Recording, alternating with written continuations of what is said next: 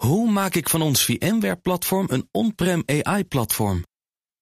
Lenklen, NVIDIA AI Enterprise Partner. Lenklen, betrokken expertise, gedreven innovaties. De column van Ben van der Burg.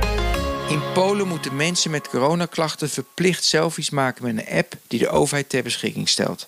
Met behulp van locatiegegevens en gezichtsherkenning ziet de overheid vervolgens of iemand in quarantaine zit.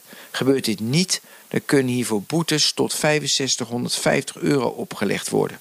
En dan zeuren mensen hier over een avondklok.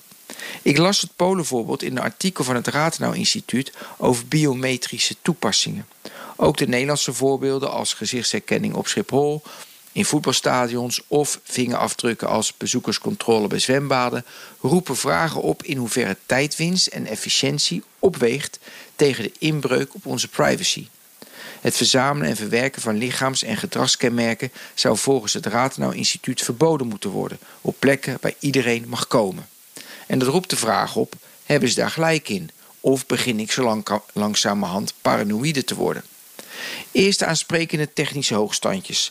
De verbeterde herkenning van foto's kennen we inmiddels. Hoewel ik toch vaak moet denken aan het klassieke voorbeeld van de man die zijn Google Foto's automatisch in mapjes liet plaatsen. Naast het mapje als strand, natuur en feest zag hij ook een mapje gorilla verschijnen. Daar zaten 80 foto's in.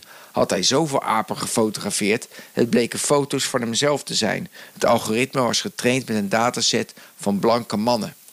Wel indrukwekkend is het herkennen van gedragskenmerken als houding en looppatronen.